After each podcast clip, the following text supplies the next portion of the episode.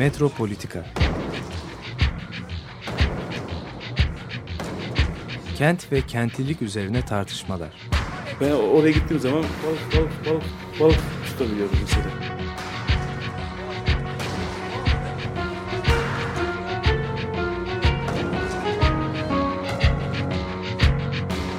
Hazırlayıp sunanlar Aysin Türkmen, Korhan Gümüş ve Murat Güvenç. Takusuyor yani. kolay kolay boşaltamadılar. Yani elektrikçiler terk etmedi Perşembe Pazarı merkezini. Günaydın sevgili Açık Radyo dinleyicileri. Ee, Bugün daha önce de programımıza e, konuk olan Erbay Ucak'la birlikteyiz. Hoş geldin Erbay. Hoş bulduk. Ee, Bir Umut Derneği'nden aynı zamanda hukukçu olan e, Erbay Yücak'la bugün e, kentsel dönüşüm konuşacağız. Özellikle Sarıyer'de e, Bir Umut Derneği'nin de çalışmaları var. Erbay'ın da çalışmaları var.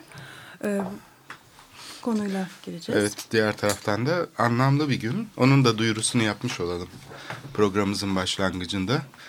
Ee, 1996 yılında İstanbul'da düzenlenen İnsan Yerleşimleri Konferansı, Birleşmiş Milletler İnsan Yerleşimleri Konferansı'nın e, içinde açılan e, bir sergiler bütünü vardı.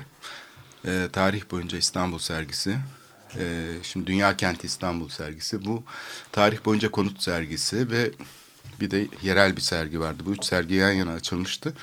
Şimdi e, bu Dünya Kenti İstanbul sergisi Galata Rum Okulu'nda bugün şu saatlerde açılış konuşmaları yapılıyor. Ziyarete bugünden itibaren açılmış olacak.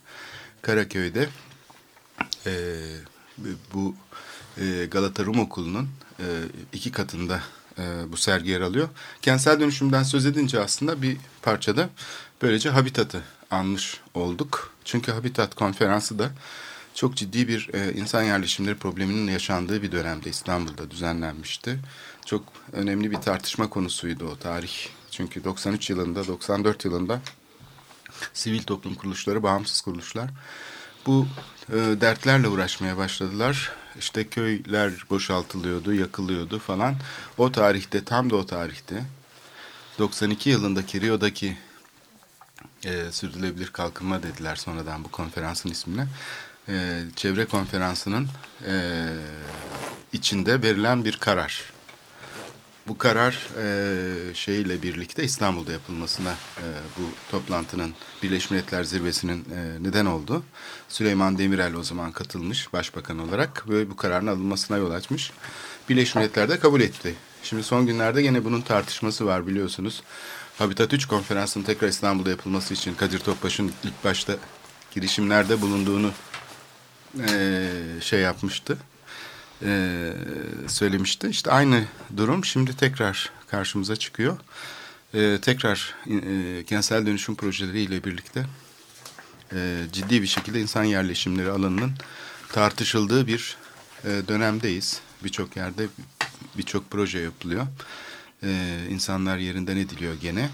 O tarihlerde neler olduğunu hatırlarsak o konferansın sonunda, Birleşmiş Milletler konferansının sonunda bir küresel eylem planı hazırlanmıştı.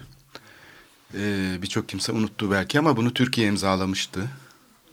Aynı zamanda bir yerel eylem planı hazırlanmıştı. Bunu da ulusal rapor olarak Türkiye hazırlamıştı. Şimdi bunlar Türkiye'nin e, uluslararası taahhütleri. Bu belgeler şu anda hala geçerlilikte.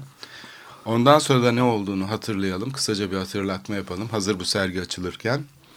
Çünkü genellikle üzerinden kısa bir süre geçtiği halde e, çok fazla e, tartışılmıyor. Ondan sonra da somut uygulama konularından biri olarak Fener Balat'taki bu Avrupa Komisyonu desteğiyle yapılan e, rehabilitasyon çalışması yapılmıştı. İnsanları yerinden etmeden. Bu da UNESCO'nun, İKOMOS'un ve Avrupa Komisyonu'nun habitat sonuçlarının kalıcı olması için Türkiye'ye önerdikleri bir projeydi. Bu tarihlerde gelen işte bu kuruluşların temsilcileri İstanbul'daki bu gelişkin sivil toplum hareketliliğini gördükleri zaman ve özellikle de e, Güneydoğu'daki bu köy yakmalar vesaire gibi konulara karşı sivil toplum duyarlılığın ne kadar güçlü olduğunu, e, bu konuyu örtbas etmeye çalışırken devlet nasıl onların e, ortaya çıkıp e, hak savunuculuğu yaptıklarını ve uluslararası kamuoyuyla birlikte ve sivil toplum kuruluşlarıyla birlikte çalıştıklarını görünce bu kentsel uygulamalar meselesindeki İstanbul'da yaşanan e, o dönem bu sorunlu yapının e, tepeden inme bir şekilde imar planlarıyla düzenlenmesi vesaire gibi şeylere karşı bir alternatif katılımcı modelin nasıl olabileceğini göstermek için bütün uygulama araçlarını da kullanarak bir Avrupa Komisyonu'ndan da maddi destek bularak proje yaptılar. Bunun arkasında da önemli siyasi e, güçler vardı. Yani ciddi bir siyasi konsensüs sonucu bu proje yapıldı bir pilot uygulama olarak. Onu da bu şekilde analım. Çünkü sergi bir şeyleri hatırlamamıza bence vesile olacak. Bu sergiyi gezerken sergi biraz e,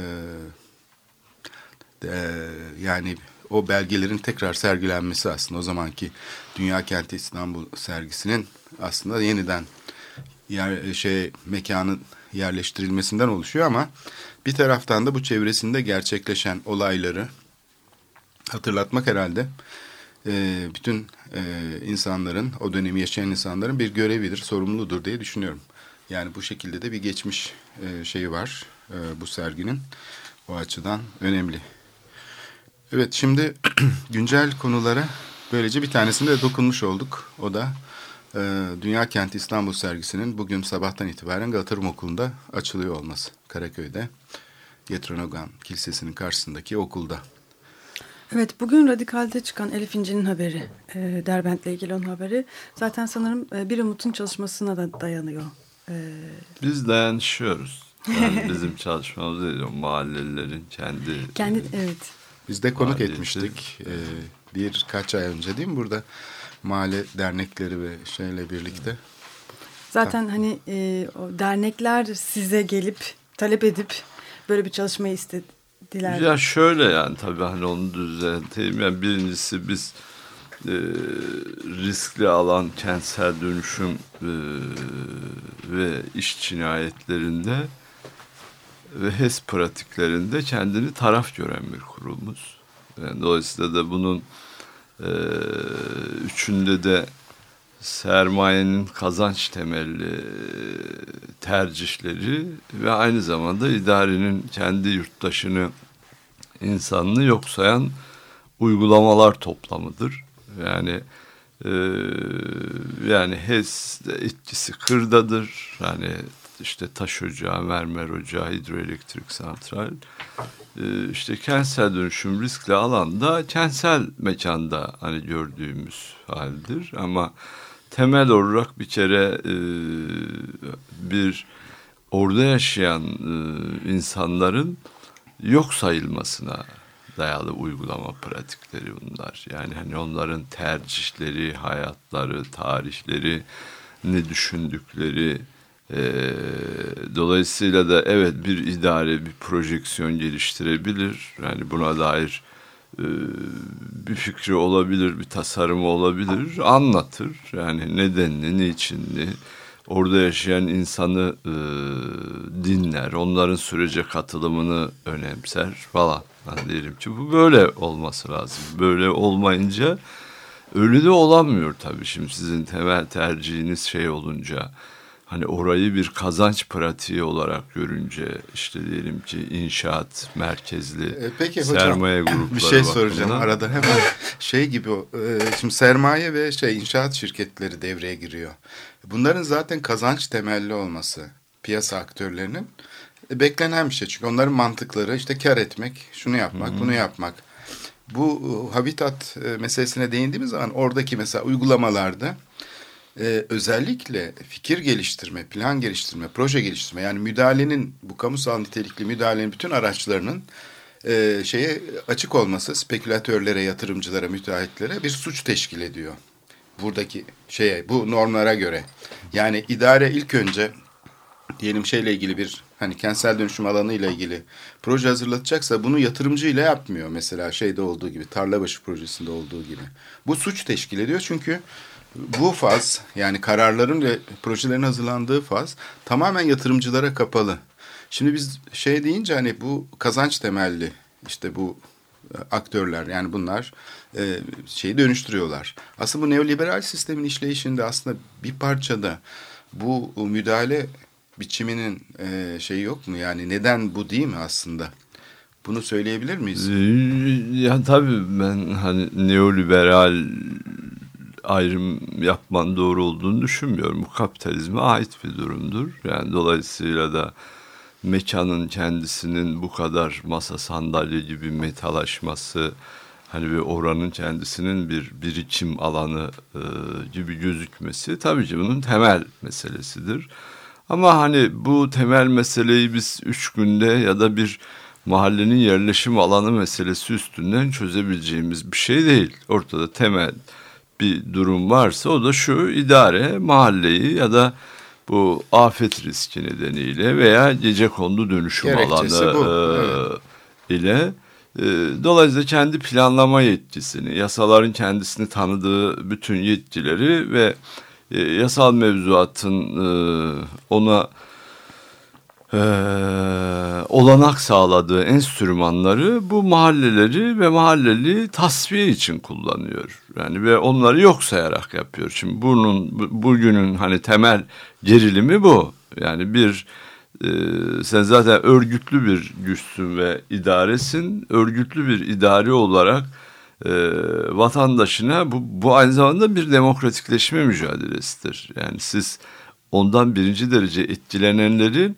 e, gıyabında değil, yani doğrudan aleniyetle dikkate alıp almadığınıza dair. Dolayısıyla da biz bu manada kentsel dönüşüm ya da afet riski tehdidi altında olan mahallelerin birlikte davranma e, esaslı mücadelelerine destek veriyoruz. Yani sizin sorunuza hani dönersem. Yani dolayısıyla dernek kurulmamış yerlerin dernek kurmasına da vesile olmaya çalışıyoruz. Yani kurulmuş dernekler varsa o kurulmuş derneklerin kendi meseleleriyle de dayanışmaya çalışıyoruz. Ya da kooperatifleşme süreçlerine de refakat etmeye çalışıyoruz. Elimizden geldiğince işte planlama, mimari, hukuk bilgisini bu mahallelerin e, kendi demokratik örgütlenme kapasitelerinin artmasına, dolayısıyla da idarenin bu tutumu karşısında aslında e, hukuka dayalı geliştirdiği mücadele yöntemleriyle ve yollarıyla kendi varlığını ortaya koyuyor. Yani bu bazen bir davayla oluyor, bazen toplu itiraz dilekçesiyle oluyor. Bazen de işte pazar günü e, yapıldığı gibi yürüyüşle oluyor. Biz de onlarda bu kapasitenin oluşmasını bu kent içinde, Türkiye içinde e, gerekli ve meşru e, görüyoruz. Şöyle bir şey yok. Yani Korhan anlattı Habitat'ın hani genel evrensel ilçelerini ve e, hani bundaki yerleşim alanına ait e, felsefenin ne olduğunu, Türkiye Cumhuriyeti'nin imza attığı sözleşmeleri ortada temel mesele idarenin mekanı ne gördüğü, idarenin o mekanda yaşayan insanı ne gördüğü meselesi. Dolayısıyla da hani biz de onu e, ne gördüğü dediğimiz şeyi e, düzeltmeye çalışıyoruz. Nasıl görmesi E, gerektiğini ha, Evet, yani dolayısıyla bu da dışarıdan haricen idareye danışmanlık yapamayacağımıza göre ve yapmayacağımıza göre dolayısıyla bunlar etkilenen kesimlerle dayanışarak bunu sürdürmeye çalışıyoruz. Bizim pozisyonumuz o. Ama burada Sarıyer Belediyesi'nin de e, sanırım e, farklı bir tutumu var. Yani da- daha önce görmediğimiz tarzda bir belediyelerde görmediğimiz tarzda bir tutumu var galiba değil mi? Sarıyer Belediyesi de böyle bir talepte bulunuyordu galiba. Şimdi şöyle yani tabii hani bu programda hani Sarıyer Belediyesi e, mesela oradaki ahali örgütlü olursa Sarıyer Belediyesi de o ahalinin örgütlüğüne uyar. Yani dolayısıyla bu halkın örgütlüğüyle ilgili bir şeydir. Dolayısıyla da halkın kendisinin örgütlü olduğu ve kendi meselesine sahip çıktığı yerde e, böyle sürprizler olur. Yani dolayısıyla niye? Çünkü o mücadelenin ve kendi hakkını bilen bir insanlar topluluğuna e, kimse bir şey yediremez. Yani hani dolayısıyla hani öyle bir ne der hileli söz, vaat, pratiği falan bunlar artık e, iş görmez hale gelir. Kendi talebinde tanımlayabiliyorsa e, o mahalle sakini. Dolayısıyla siyasi aktörler e, buna kulak vermek zorundadır. Verir de. Zaten böyle bir etkileşme düzeyi vardır. E, Sarıyer Belediyesi de CHP'dedir. O da öyle etkileşmiştir. Hani dolayısıyla da onda bir şey bulmuyorum ben. Hani e, bir keramet görmüyorum. Keramet hani e, dedirtene ya da keramet öyle düşündürten de o da mahallelinin kendisidir. Biraz belki burada gene baştaki paranteze e, dönüp şimdi siyasetçinin niyeti üzerinden konuşuyoruz değil mi? Bu mesela rant meselesi işte rant polisi falan dediğimiz zaman fakat siyasetçinin niyeti bazen yani ki İstanbul tarihi boyunca da bu görüldü. E, şey konusunda ki işleyişi yani kent toprakları üzerinden yaratılan bu gelir transferini meşrulaştıran bir işlev görüyor. Yani bir bakıma aslında bu gidiş e, sadece büyük sermayeyi değil e, başka kesimleri de hatta bunun arkasındaki emeği de bazen ikna edebiliyor. Onları da bu işin içine katabiliyor. Dolayısıyla yani bu sisteme karşı çıkarken hani siyasi tercih gibi sadece falanca belediye başkanı iyi davranıyor, falanca belediye başkanı kötü davranıyor gibi değil de doğrudan doğruya bu habitattaki talep edilen şeyler e, sivil toplumda aslında bu uluslararası deneyimden de kaynaklanan e, bir yani bu şeye karşı piyasa odaklı kentsel dönüşüm modeline karşı çünkü genel geçer model bu oldu e, Türkiye'de şu anda daha güçlü bir direnişin nasıl olabileceğini düşünmekten geçiyor. Bunun araçları da dediğim gibi özellikle plan ve proje işlerinin fikir geliştirme aşamasının yolsuzlukla eş anlamlı oluyor çünkü bu. Yani şeye kapalı olması. E, piyasa odaklı kuruluşların bu sürece katılamaması gibi bir önlem var. Yani çünkü bu bağımlı bir süreçtir, kapalı uçlu bir süreçtir. Onlar çıkar amaçlıdır. Dolayısıyla halkın katılımı için özellikle halkın güçlü bir şekilde proje süreçlerine katılabilmesi için Fenerbalat'taki bu Avrupa Komisyonu'nun yapmış olduğu çalışmada mesela şeye kapalıydı tamamen müteahhitlere fikir geliştirme süreci. Bu çok önemli ben bir araç diye görüyorum. Yani sadece niyet üzerinden okumak yerine müdahale aygıtlarını. Çünkü sol e, şeyler aslında daha çok materyal şeyler üzerinden, hukuki aygıtlar üzerinden çalıştığı için e, biraz ama, ama buna, bir yandan da e, Koran şimdi bu tarafı bizde eksik şey kalıyor var. yani, bunun. Şimdi mesela hani Habitat'ta e, böyle raporlar çıkartılmış. Türkiye'nin yükümlülükleri var. Evet. Fenerbalat projesi olmuş ama bir yandan da bunu bu bir işe yaramamış. Yani politikacılar İşte üzerine unuttur bastırılıyor. Çünkü bunu bastırılıyor. herkes Ama bir siyasetçiye yandan da bırakmakta hani- bu işi çok Evet, ama- maharetli yani. Bunu siyasetçinin niyetine bırakılıyor. ama siyasetçiyi bastırabilecek olan bir güçten bahsediyor. işte çıkamıyor. Erbay. Öyle bir o çok önemli. şöyle bir dünyada yani bağımsız kurumlar olmadığı, bağımsız bir süreç olmadığı sürece piyasa odaklı kuruluşların eline git, gitti geçtiği anda İşte bunu bir yapamayacak, baskı var burada. bunu Şiddet var yani. yaptırtmayacak olan güç Erbay'ın söylediği İşte biraz zor oluyor. Bu, bu şöyle değişmiyor. Evet. Sonuçta bu sadece Türkiye'de yaşamıyor. Yaşamıyor. Tabii. Tabii, tabii. İspanya'da, Almanya'da, Hamburg'da. şurada da burada. Dolayısıyla da bir tamam bir evrensel hukuka ve hukukun evrensel ilkelerine falan inanmak lazım. Ama Hani hukuk bir işe yaramaz ama tek başına tabii. Şimdi sorun şöyle bir şey diyelim ki mesela bu, bu bütün bu yazılı mevzuat ve sözleşmelere e, bir defa kendisini uymakla yükümlü hisseden bir kamusal otorite olması lazım. Şimdi bizde böyle bir kamuculuk ve böyle bir idarecilik yok. Şimdi bu idareciliğin ve kamuculuğun olmadığı yerde dolayısıyla etkilenenlerin hani bundan e, diyelim ki harekete geçmesi ve kendi tutumunu ortaya koyması önemlidir. Etkilenenlerin ve mağdur olanların diyelim ki her zaman onların çıkarına olan bütün toplumun çıkarına olmayabilir. Bu ayrı bir tartışma. Tabii. Yani ama e, dolayısıyla hep etkilenenler kendi çıkarına bir, bir ortak çıkar tarif etti de bir şey istiyorlar da bu bütün şeyin ne derler ahalinin çıkarınadır anlamına gelmez. İşte Fikirtepe. Yani dolayısıyla da hani ama diyelim ki ona bir, bir, bir hülyayı gösterdiler. O hülyanın içerisinde birdi, üçtü, beşti falandı filandı. O öyle bir şeyin hayalin peşine hani giderken hani şimdi Dimya'da pirince giderken evdeki bulgur işine hani döndü. Şimdi dolayısıyla da hani Fikirtepe'linin bu konudaki tercihi hani doğru mudur desen, bütün İstanbul ve memleket için iyi midir desen yok değil. Yani sonuçta Fikirtepe'nin kendisinin bu tercihlerini daha insani, daha demokratik, işte diyelim ki kent ekolojisi bağlamında da daha hani ekolojik sayılabilecek, e, yani bu kadar e, ne derler, piyasa aktörlerinin ve kazan kazan diliyle oluşmuş hani böyle bir daha e, çıplak kapitalist zihniyetin şey olmadığı yani toplumu da buna bu kadar taraf kılınmadığı başka bir pratik mümkün olur muydu? Olurdu. Yani dolayısıyla da burada e, süreci şöyle yani sürecin biz bir anda şuradan başlayıp şuraya giderek bir düz okumasını yapabileceğimiz şurada son verip yeni bir döneme başlayacağımız bir durum yok.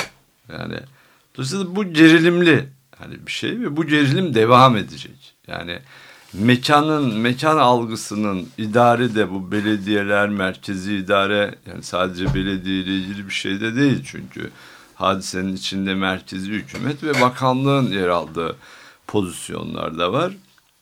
Bir de bir mekan algısı ve yerleşim algısı ki işte Koran'ın dediği o bakımdan hani önemli. Sen hani bu kadar imza attın e, bu sözleşmeleri bir defa bir inanarak yani bunu icra etmeye. Ben, benim ya söylemek istediğim daha çok uluslararası hukuk normlarına uyması ya da imzalamış olduğu sözleşmeyi e, yerine getirmesi değil de muhalefetin taleplerinin örgütlenmesi açısından Hı. hukukun bir ortak düzlem oluşturması. Yani buradaki müdahale aracında mesela Tarlabaşı projesini ya da Taksim Meydanı diyelim. İhale yaptığı zaman projeyi kimsenin sesi çıkmıyor. Ancak ve ancak mağdur mağduriyet ortaya çıktığı zaman itiraz başlıyor. Bu yani hani idam edilen bir insanın idam sehpasında bu bana bir ders olsun demesi gibi. Bu aşamaya gelmeden önce siyasal sistemin işleyişine siyasi bir müdahale gerekiyor. Ama Bunu şu, muhalefetin talep etmesi gereken Ama bu şunu ayırmak için. lazım. Yani mesela diyelim ki senin söylediğin e, bir diyelim ki a proje yapılırken yani o projenin yapıldığı alana ilişkin işte diyelim ki piyasa aktörlerinin yer almadığı işte ortak bir kamusallıkta tasarlanan, yapılan, edilen bir, bir şey haline getirmek. Ya ortada bir problem şu. Ya daha temel bir sorun var. Daha temel bir sorun mekandaki bu değişime kim karar veriyor? Yani mekanda diyelim ki bu tür bir değiştiricilik niye gerekiyor? İhtiyaç mıdır? Bu ihtiyacı kim tanımlıyor? Yani bu ihtiyacı tanımlayan diyelim ki e, bir e, üniversitenin atıyorum mimarlık ya da şehir bölge planlama bölümü tanımlayınca hani şey mi oluyor? Hani bu gerçekten ihtiyaç mı olmuş oluyor? Ya da bir belediyenin planlama bölümü tarif edince böyle mi olmuş oluyor?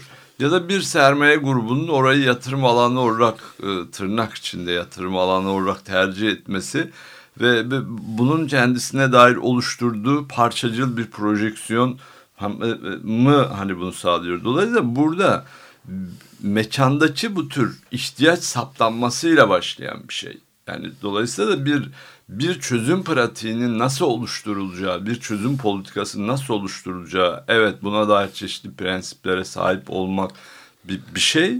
Ama bunun bir öncesi ise bunun ihtiyaç olduğunu kim söylüyor? Kim nasıl saptıyor? Yani neye göre saptıyor? Tanrısal bir şeyle. Ee, evet bence neye göre gelmiyor. saptıyor? Evet. Yani dolayısıyla da biraz süreç oradan başlıyor. Yani oradan başlayan bu ihtiyacın nasıl saptandığı e, hani hususundaki izlenen yöntem ve sahip olunan sahipler işte o senin dediğin ikinci aşamada da hani peki buradaki bu çözüm şeyini ne derler projeyi tasarımı kim nasıl hazırlar onda bağlık alınması gereken ilkeler düzleminde belirleyen bir şey oluyor. Mesela başka bir şey söyleyeyim. Fener Balat hani örneğinde e, Fener Balat'taki e, bu süreci tetikleyen bir iş olmuştur o sonuçları itibariyle. Yani e, bugün tabii, diyelim ki tabii, hani o yani. yüzeysel restorasyon diye geçen yani evet. diyelim ki e, Fatih Belediyesi'nin de şeyinde yer aldığı, içinde yer aldığı e, senin anlattığın o UNESCO ve diğer e, kurumlarında birleşerek yaptığı hadisenin kendisinde içinde yöntem olarak şöyle diyeceğimiz evet böyle olması gerekir diyebileceğimiz hususlar olsa bile temel olarak diyelim ki Fenerbalat, Ayvansaray, Toklu Baba e, aksındaki süreci de Tetikledi. e, o tetiklemiş. Şimdi bunu ben de zaten söylemeye çalışıyorum. Çünkü eğer bu projelerin içindeki şey dönüşüyorsa bu Habitat Sözleşmesi'nden de kalkarak bu dönüşüm yaşanıyorsa o zaman demek ki burada bir eksiklik var. Ben bunu, bunu buna işaret etmeye çalışıyorum. Yani burada sadece böyle siyasetçilerin niyeti ve şey üzerinden sorgulanınca o zaman onlar işte bu rant çevresiyle birlikte bu işi e, bir şey dönüştürüyorlar gibi gözüküyor ve bunu da meşrulaştırıyorlar. Burada çok temel bir şey çiğneniyor. Çok temel bir mesele var. Yani burada kararı verirken e, ne yapılacağına kimse tepede inme karar veremez. Yani ve bir, insanların da katılıp katılmama özgürlükleri de vardır. Öyle bir şey ki anlaşma yapılıyor. E, anlaşma yapıldığında daha vatandaşın haberi yok. Sulukule'de olduğu gibi, tarla başında olduğu gibi. Ve buna itiraz etmekte insanlar ancak kendi kapılarına dayanınca projeler. Sanki sorun ilk defa karşımıza çıkıyormuş gibi. Her seferinde aynı şeyi yaşıyoruz. Onun için çok temel bir şeyle e, siyasi bir şeye ihtiyaç var. Bunun karşısında direnebilecek. Bunun e, araçlarından biri de karar sürecinin özellikle bu bilim adına çalışan vesaire gibi planları yapan çevrelerin bu süreci kapalı tutmasıyla çok alakalı. Çünkü İstanbul'un şu anda tarihi yarımada planların tam da yapıldığı dönemde oldu bu projeler. Hem Süleymaniye projesi, hem Tokludede, hem Ayvansaray, hem Fenerbalat'ta şu anda yapılmakta olan proje. Dolayısıyla bu planlama süreci tamamen bilim insanların biz bu koltuğa bilim adına oturduk, oturduğu, oturuyoruz dedikleri bir süreçte gerçekleşti. Bu süreci hepimiz gözlemledik. Dolayısıyla yani e, katılım şeyinin bu kadar bu, sınırlı olması yani kapıya dozerler gelince insanların direnmesi bana büyük bir haksızlık gibi geliyor. Ama, bu insanları yani şeysiz bırakan, savunmasız bırakan bir sistemle karşı karşıyayız. Ama burada mesela şöyle bir şey yok ki. Ee, mesela katılımı diyelim ki olabilir. Şöyle yaptığı yerler de var idarenin. Ee, tamam halka açık toplantı yapıyor. Projesini anlatıyor. Diyelim yapıyor ki, evet bir yıl e, dola, Dolayısıyla burada katılım bu değil gibi. Burada Tabii, o yüzden heh. hadise şurada evet. şurada önemli. Bir bu bir defa mekanın insanların bu mekanla kurduğu ilişki, yaşadıkları mekanla kurduğu ilişkiyi bu kadar kendi konutunun içine sıkıştıran e, ve yıllara yayılmış bir süreç var. Yani herkes dolayısıyla kendi konutunun bulunduğu binadan e, başlıyor. Yani bir güvence arayışına. Bir defa insanlarda bu mekan algısına yol açan yani bu kadar konut merkezli yani kendi evi merkezli. Evinin bulunduğu sokak hani evinin bulunduğu cadde yani diyelim ki o sokağın bağlandığı diğer cadde ve bütün bir mahalle Dolayısıyla geç bütün bir mahalleyi bir ilçe, geç bir, bir ilçeyi bir İstanbul hani gibi. Yani dolayısıyla yaşadığı, içinde yaşadığı o yerleşkenin kendisine ait e, çeşitli hayallere sahip olmaması ya da çeşitli fikirlere sahip olup olmama meselesi o insanlarımızın bir defa kendi konutunun içine sıkıştıran bir süreç var geçmiş tarihi itibariyle. Zaten her yerel seçim dönemi de bunu teyit etmiş. Şimdi bir defa bunu sıkıştıran süreç neyse ve onun gerekçesi neyse bugün bunun katılım formu da idare tarafından böyle icat ediliyor. Hani geliyor bir tane proje sunuyor diyor ki sana birebir veriyorum ya da bire iki veriyorum ya da bire yarım veriyorum. O verdiğimin değeri bu, bu verdiğimin değeri bu. Zaten bu konutu metalaştıran, onun katılımını hani diyelim ki bir bir takas usulüymüş gibi bir hale getiren dolayısıyla da onun yaşadığı yeri sırf bir daireden ibaret gösteren. Metrekare üzerinden evet, gösteriyor. Şimdi, üstüne üstlük hani e, bugünkü iktidarın e, açıkçası yani siyasi tecrübesi tamamen buna dayalı olarak. Zaten hani e, şey bakarsak e, mahallelerde oturan e, bir sürü insan e, il belediye meclislerine gidiyorlar ve bu imar durumlarını öğrenerek Hani kendi katılım meselesi imkanlarını buna nasıl genişletiriz ait, diye. Evet. Ya bu şekilde zaten bütün politik durum böyle oluştu. Ya sırf Güç böyle oluştu. Yani bu İstanbul pratiğinin kendisi böyle ama. Bu merkeziyetçiliğin yani bu, yerel yani, araçsallaştırmasıdır. Yani, bu, bu, yani bu dolayısıyla e, evet. sadece AK Parti'ye özgü bir durum değil, değil ki. Tabii. Yani bu yani bu İstanbul'un Ha, bütün bir oluşum süreci bu ve bununla oluşmuş bir hani me, e, bir mekan algısından bahsediyoruz. Dolayısıyla burada esas mesele şu aslında. Bu gerilim ya da bu çatışma vesilesiyle aslında e, bir demokratik örgütlenme ve bir demokratik mücadele düzeyi aynı zamanda kendi içinde bir demokratik müzakereciliktir. Yani her mücadele düzeyi aynı zamanda bir e, demokratik müzakere düzeyidir. Bu demokratik müzakere düzeyi her zaman idareyle yapılıyor değildir. Aslında hani geride kalan kamuyla da yapılıyordur. Yani hani sen aslında o şeyi korurken hani kendi mahallene ait ve kendi yerleşimine ait hani bir, bir şeyi yaparken aynı zamanda bütün ilçeye ait bir şey söylüyorsundur. Yani o yerin tepedir, deredir, hani yamaçtır. Hani orada bir oranın bir sosyal dokusu vardır. Bütün içinde bir yeri vardır e, gibi. Yani dolayısıyla da e, sorun e, buradaki katılıma katılım dediğimiz şeyin e, gerçekleştiği evre artık bir e, ihtiyacın saptanmasından başlamayan yani idarenin böyle uygulamaları karşısında kendini korumaya ve güvenceye almaya çalışan bir refleksle mücadele eden bir aşamada önümüze geliyor. Peki burada bu mücadeleyle oluşmuş bu aslında bir katılım pratiği. Hani ben toplanıyorum, derdimi anlatıyorum, bir, bir şey söylüyorum, dava açıyorum, dilekçe veriyorum. Tamam gönül ister ki bu daha formel hallerle olsun. Hani meclisiyle, belediye meclisiyle, büyükşehir meclisiyle falan filan. Ama bu memlekette siyasetin dili böyle. Tarzı da böyle. Yani güç sen bir şeysin. Yani güç olmanın da ya işte diyelim ki emekçi kesimler için çokluktur güç.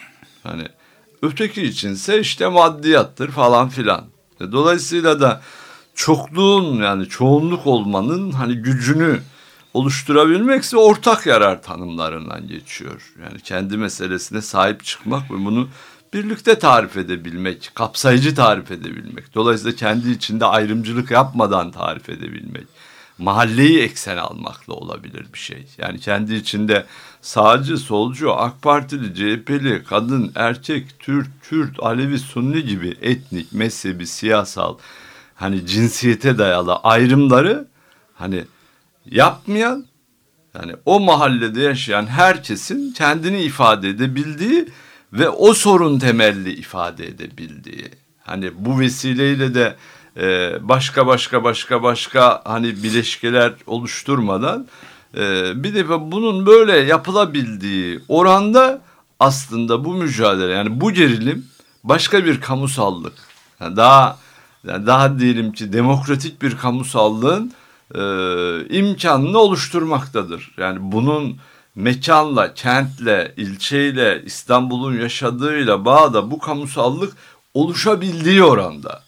Yani orada oluşan kamusallığı işte diyelim ki Göztepe Bağdat Caddesi ya da Bakırköy hani eksenindeki. Yani diyelim ki kat mülkiyet tapusu olan iskan ruhsatı olan bir apartmanda hani bir apartman dairesinde oturan bu, bu tür yani Beşiktaş'taki Bakırköy'deki işte diyelim ki Etiler'deki, Göztepe'deki, Kadıköy'deki, Üsküdar'daki ne kadar burada oluşan hani bu, bu, bu kamusallığı ve bu, bu gerilimi ve bu mücadeleyi ne kadar anlarsa hani ne kadar birbirleriyle etkileşirse aslında mekana ait bütün bir kente ait de ortak bir tahayyül geliştirebilmenin ya da bir, bir şeyi durdurmanın, değiştirmenin, engellemenin imkanları o kadar çıkacaktır. Yani bu bağlamda e, şeye dönersek yani bu e, idarenin hani katılım vesaire sözü biz dolayısıyla bugün şu aşamada değiliz. Yani idare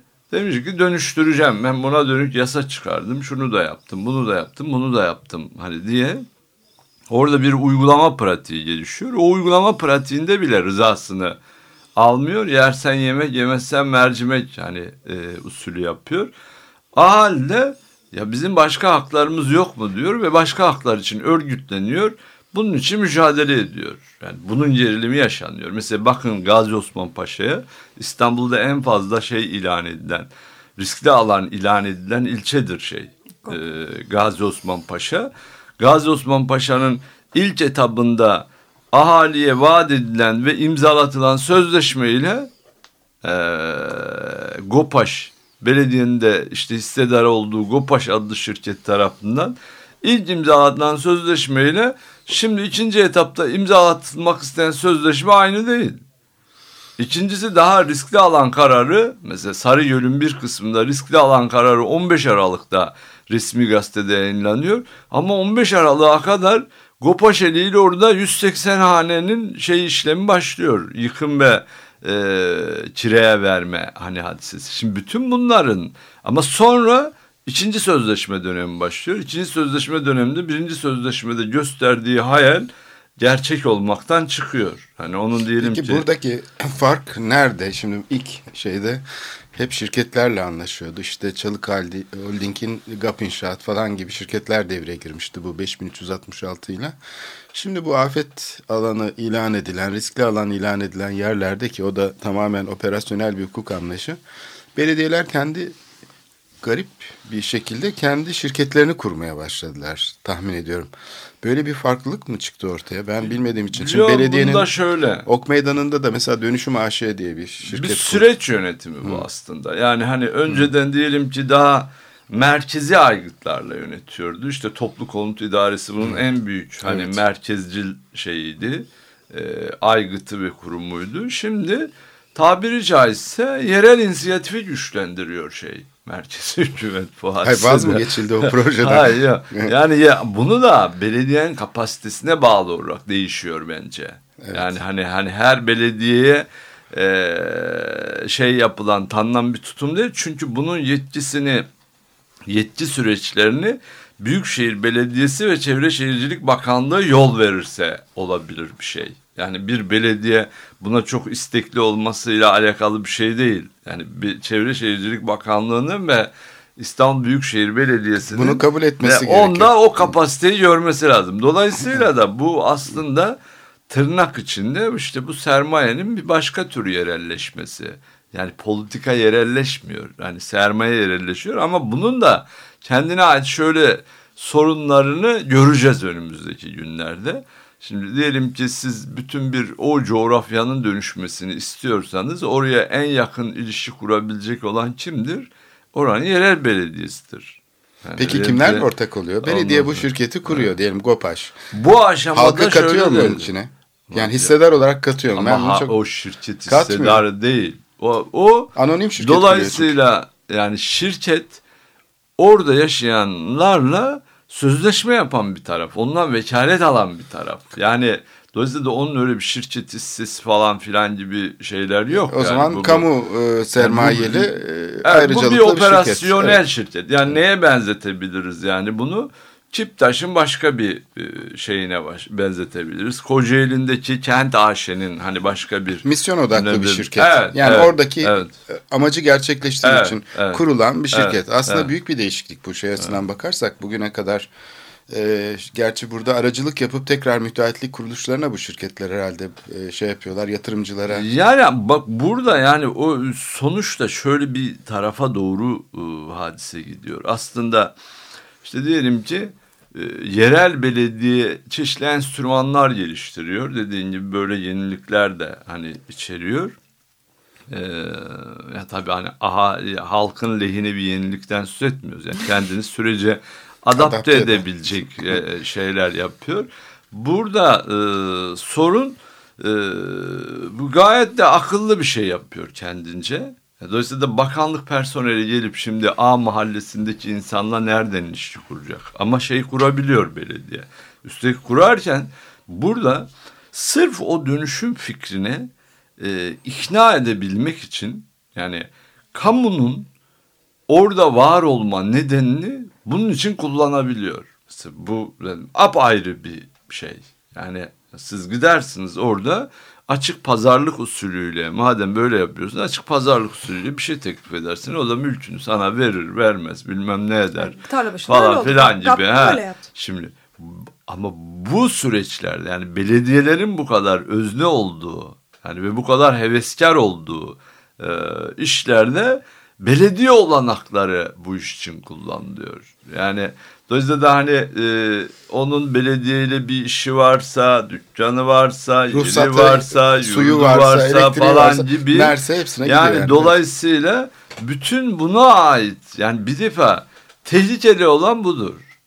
Yani diyelim ki ortada şirket var gibi atıyorum Sultan Gazi'de de Cede, Cedaş mı ne öyle bir şirket var mesela bu Cumhuriyet Mahallesi'ne riskli alan ilan edildiği şeyde yerde. Bu, bu buralarda yani bu tür e, şirketlerin e, eliyle yapılmaya işte rıza üretme, sözleşme imzalama, vekalet alma falan filan gibi işler sürecinde bu kadar belediyenin arkasında durduğu bir idarenin yerel bir idarenin arkasında durduğu işin içinde yerel idarenin e, dolayısıyla hegemonyası, caydırıcılığı, cezbediciliği gibi şeyler hani devreye giriyor. Bu mesela bir kamu idaresinin bu kadar e, konusu şey olan, hani konusu rant olan, hani böyle tarif edilmiş olan bir şeyde e, böyle pozisyon almasının e, ne derler hiç ha- hayırlı bir durum değil. Sorgulanması, sual edilmesi gereken hani bir şey. Dolayısıyla da bunun karşısındaki şeye bakıyorsun. Hani muhalefet etme pratiğine hani bakıyorsun. Diyelim ki mahalleli kendi canavliyle işte bizim gibi insanları buluyor, başka insanları buluyor, bilgiye erişiyor, dava açıyor, açmıyor falan Peki ne filan. var? Alternatif olarak Ee, söylenen mesela bu seçim öncesi de siyasi partiler meydana çıktığına göre e, bu şirket modeline karşı nasıl bir e, öneri getiriyorlar? Alternatif ne? Ben biraz da bunu Ama zaten şöyle olacağını düşünmüyorum ben. Örneğin Basınköy. Yani işte Koru Florya'nın arkasındaki Basınköy. Basınköy'de e, oturanlar ne var orada? Gazeteciler, Kooperatif. yazarların, Ha. gazetecilerin, yazarların sitesi var değil mi? Şimdi orada diyelim ki riskli alan ilan edilmesi ve e, dönüşüm yapılması için şirket tartışıyorlar. Orayı korumayı tartışmıyor. Şimdi orada onu tartışanın kalkıp İstanbul'un geneline dair mevcut hükümete racon kesmesinin hiçbir ahlaki tarafı yok. Adları mühim değil. Orada mülkiyet listesinde bellidir. Yani dönüp e, mevcut yerel yönetim ve hükümet pratiğinde hani diyelim ki inşaat, mekan, rant anlatıp da sonra kendi yaşadığın yerde bu dönüşüm meselesinde bunu ortaklık ediyorsan kendisine iş- gelince belki başka iş türlü oluyor yaş. insanlar. Yani Kendi- dolayısıyla burada Evet. esas mesele yani bir kere e, bütün bu süreçler konusunda e, ahlaken de fikren de hani bir, bir tutarlılık e, çizgisine sahip olmaktır. Şimdi yoksa yoksa meselenin aslı senin ondan pay alıp almaman meselesine dönüşüyor. E tabii şimdi Yani. zaten bizim de sorguladığımız bu. Demin Aysim de işaret etti. Yani sen de söyledin. E, bu dönüşüm modelinde tamamen e, fiziki mekan üzerinden insanların elde edeceği yarar. Yani mesela Tarlabaşı projesinin basın toplantısını yaparken belediye biz neyle anlaştınız diye sorduk e, toplantıya katılan insanlar olarak. Yüzde kırkla dedi BD başkanı. Yani metrekarenin yüzde kırkı. Biz de dedik ki peki istihdam dışı kalmış nüfusu yönelik bir programınız yok mu? O beni ilgilendirmez. Çünkü müteahhiti ilgilendirmiyor. Peki o zaman buradaki kararları kim veriyor dedik. Bu kararları biz veremeyiz, şirket verecek. Çünkü biz pazarlamasından bu işin anlamayız, projesinden anlamayız. Tabii ki şirket yapacak diye bunu bizzat belediye başkanı söyledi. Şimdi bu şirket modelinde ilk modelde belediyenin bir payı vardı.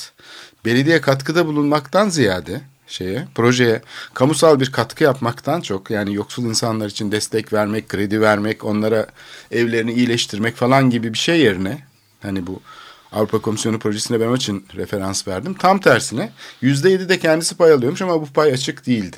Şimdi böyle belirsizlikler var. Bu şimdiki belediye şirketleri de biraz tekelci bir yapıda kurulmuş olduğu için bunlarda da ne olacağı hakkında insanların en ufak bir şey yok. Yani orası o Ama şirket- zaten şu ters. Alternatifi Korhancığım, yok yani. Korhancığım zaten Evet. şu ters. Yani belediye bir şirket kuruyor. Bu vesileyle hak sahipliği, değer tespiti, ön anlaşma sürecini organize ediyor. Şimdi bir, bir kere kamusal bir aktörün e, meşruiyetini, caydırıcılığını e, vesairenin arkasına alarak hani bir şirket pratiğinin böyle icra edilmesi bir problem. Tabii Yani, onu en başta Evet, söyledik. onunla. evet. İkincisi yani vatandaşla bu kadar açık diyelim ki ticaret yapıyorsun usulüyle yapılması başka bir problem. Yani üçüncüsü de zaten sonraya ait geçerli olmayan, esnek, bağlayıcı olmayan yani örgütlü olan ve güçlü olanın lehine çevireceği hukuksal belgeler türetiyorsun. Yani bu da diyelim ki başka bir problem. Ama demin söylediğimde yani hani yerel seçim geliyor sen hani siyasi aktörler hani bağlamı ne olacak falan diye konuşunca hani, hani orada şunu demek istedim ya. Evet yani diyelim ki Beyoğlu tarla başını konuştuğumuz kadar Kadıköy e, yani diyelim ki Kadıköy Fikirtepe'yi Kadıköy'deki yani diyelim ki e, romanların hani yaşadığı bir mahallenin hani tasfiyesini geçin. Ataşehir Şerif Ali Ataşehir işte diyelim ki e, geçen Küçük Bakkalköy'de yaşanan hadiseyi de konuşmak lazım. Yani diyelim ki Sarıyer mahalleleri hani diyelim ki hani e, tamam örgütlenmiş hakkını hukukunu arıyor. Yani dolayısıyla da hakkını hukukunu aradığı için de zaten hani varsayılıyor. Yani bunu diyelim ki e, konuştuğumuz hani bu tarafı iken e, tabii ki Zekeriya Köyü de konuşacağım. Bir de belediyelerin ben bu konuda kendi yetkilerini, kendi e, yasal imkanlarını e, çok bu yönde, bu lehte zorlanmadıkça kullandığına şey olmadım. Ne derler? E, tanık olmadım. Şimdi o nedenle burada e, şundan taraf olmak lazım. Yani onun ne diyeceği, mütekinin ne diyeceği meselesinden çok yani ortada bu bu kentsel çelişki ve bunun üzerinden gelişen hani mücadele, müzakere, çatışma işte konuştuğumuz hani bütün bu imkanların kendisinin e, İstanbul'da yaşayan birbirini daha düne kadar birbiri hakkında iyi düşünmeyen yani daha daha orta nasıl diyeyim ki Bakırköy'de oturan biri Sarıyer'in bir mahallesinde oturan biri için işgalci görüyordu. Onu diyelim ki kamu arazisini sahiplenmiş, işte gelmiş, kaçak bina yapmış e, bir zevat olarak görüyordu. Yani aralarında onun onu anladığı bir şey durum yoktu. Yani bütün bu şey aslında herkesi bir potaya sokmuştur. Yani mekan her yerde metadır. Dolayısıyla da Bakırköy'dekinin o taraftakine kibir yapmasına şey yok. Ne derler? Gerek yok yani tersine onların birbirini daha şey anlaması lazım. Ne derler? Birbirini daha iyi anlayabileceği imkanlar türetmiştir. Dolayısıyla da bu imkanlar ne kadar kamusal olursa temsili siyasetin yani bundan o kadar etkileneceği e, ne derler e, kanaatindeyim ben. Yani o yüzden de olabildiğince bu tür halkın, toplumun kendi demokratik örgütlenmelerini ve kendi taleplerini de tanımlayarak e, geliştiği süreçleri önemsemek lazım. Yani bu, bu bunu hani bu, bunun desteklenmesi ve bunun artması yönünde bir istikamete sahip olmak lazım. Bu istikamet merkezi siyaseti de yerel siyasete de şey verir ne derler e, ayar verir. Yani onlar o ayarı alırlar zaten. Hani o ayarı almazsa zaten başka tür bir e, bir çatışma pratiği başlayacak demektir. Sarı, Sarıyer Belediyesi mesela almış. evet, mesajı almış mı? Mesajı çok ben iyi almış. evet, afişleri falan da görüyorum. Sarıyer'de böyle sürekli toplantılar düzenliyordu belediye.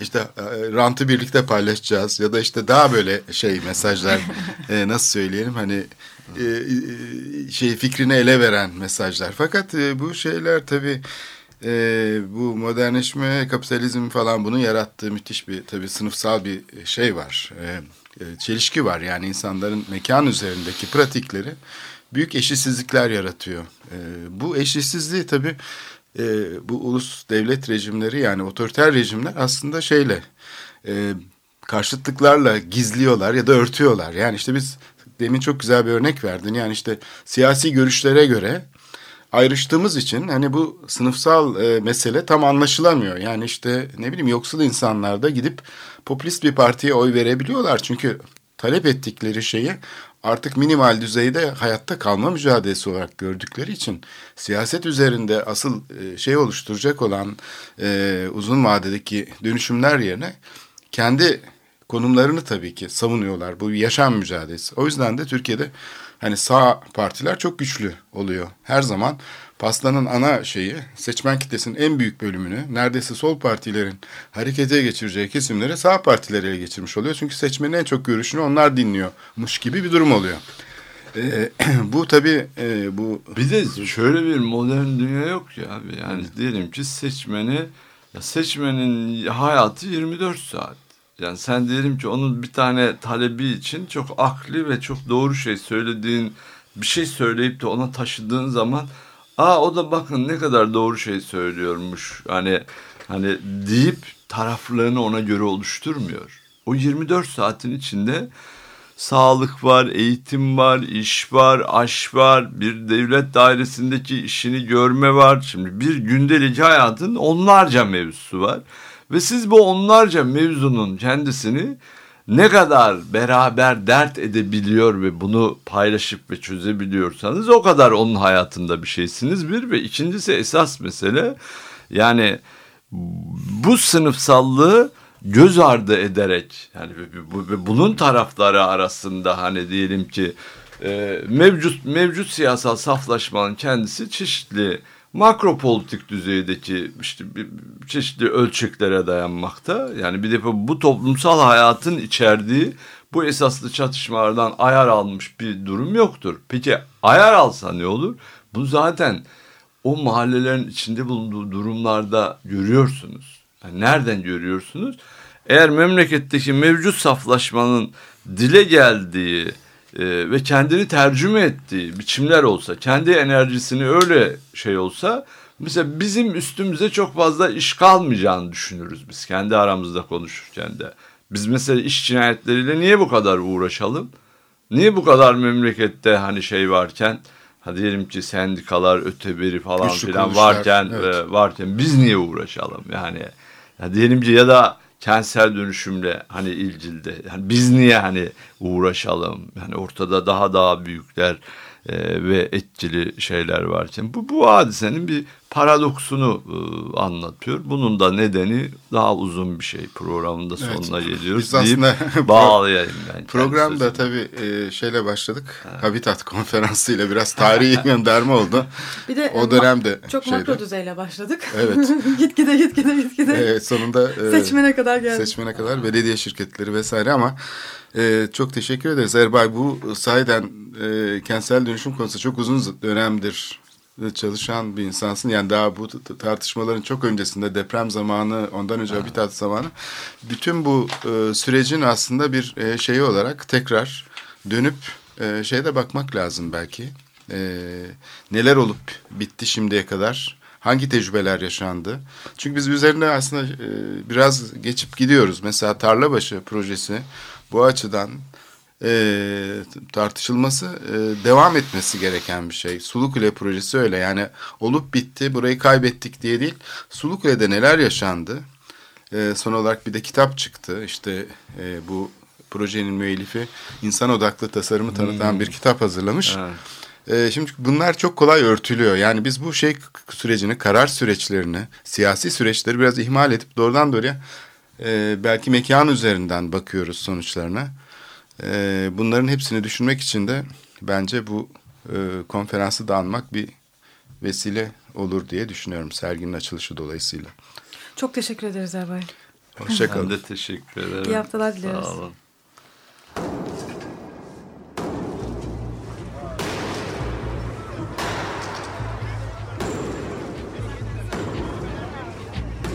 Metropolitika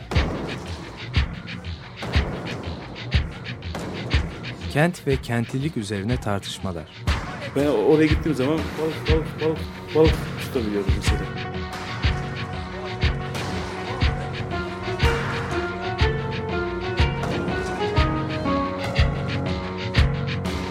Hazırlayıp sunanlar Aysin Türkmen, Korhan Gümüş ve Murat Güvenç. Takusu yok yani. Kolay kolay boşaltamadılar. Yani elektrikçiler terk etmedi Perşembe Pazarı